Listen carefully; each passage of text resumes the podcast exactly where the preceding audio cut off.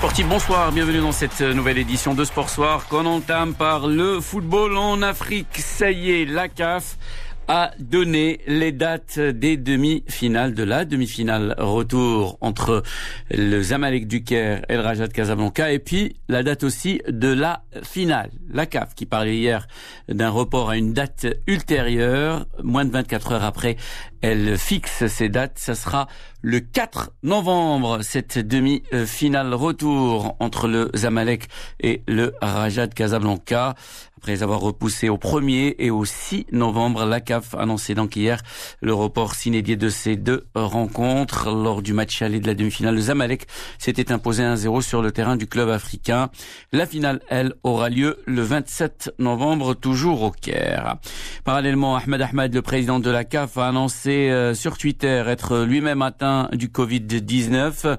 Ce matin, j'ai été testé positif, j'ai de légers symptômes, mais je vais bien, a rassuré Ahmed Ahmed. Cette le responsable malgache a fait part de son intention de briguer un deuxième mandat à la tête de l'instance africaine. Hervé Penaud, notre consultant pour le football africain à partir du moment où la date limite approchait, il était évident que Armad allait se, se représenter. Hein. C'est vrai qu'il l'avait jamais annoncé, il n'avait jamais non plus fait mystère qu'il voulait poursuivre à la tête de l'institution. Et ça paraissait assez logique pour tout vous dire, sachant, comme je l'ai dit précédemment, que de nombreux présidents de fédération avaient, avaient demandé un peu à ce qu'il qu poursuive euh, son affaire, sa tâche. Bon, on sait qu'il y a eu pas mal de, de problèmes durant cette, euh, cette, première mandature. Il va falloir régler beaucoup, beaucoup de soucis qui, qui existent aujourd'hui dans le foot africain, hein, notamment, et quand même le, le truc principal, les fameuses dates de la Cannes, hein, puisqu'alors il va falloir qu'un jour on se détermine pour savoir quand elles auront lieu, si c'est en juin, si c'est en janvier. Donc il y a encore plein d'incertitudes. Voilà, c'est pas du tout une surprise. Et puis pour tout vous dire, allez, je vais être devin, je vais vous dire, je vois dans ma boule de cristal, et ben je vais vous dire, il va être élu. Il va être élu pour un deuxième mandat.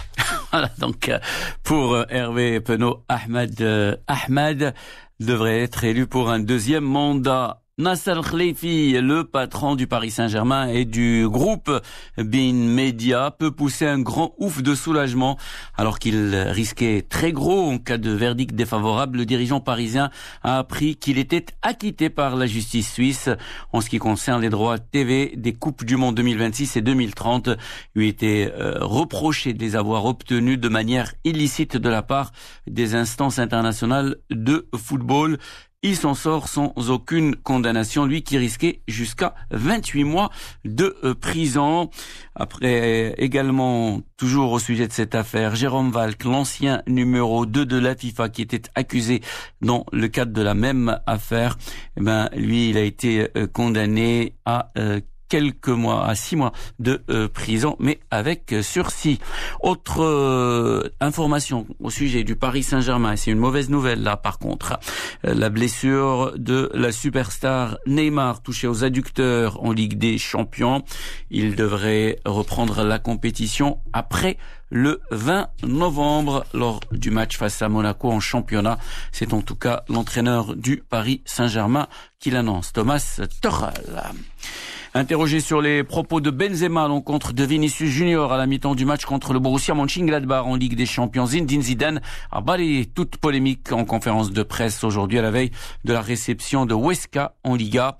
Avant la seconde période, les micros avaient saisi ces mots lâchés par Benzema au latéral gauche madrilène Ferland Mendy dans le couloir menant au vestiaire. Vinicius fait ce qu'il veut, il joue pas avec nous, il joue contre nous. Une vidéo devenue virale sur les réseaux sociaux. Enfin, le défenseur néerlandais Virgil van Dijk a été opéré des ligaments du genou. C'est ce qu'a annoncé son club Liverpool.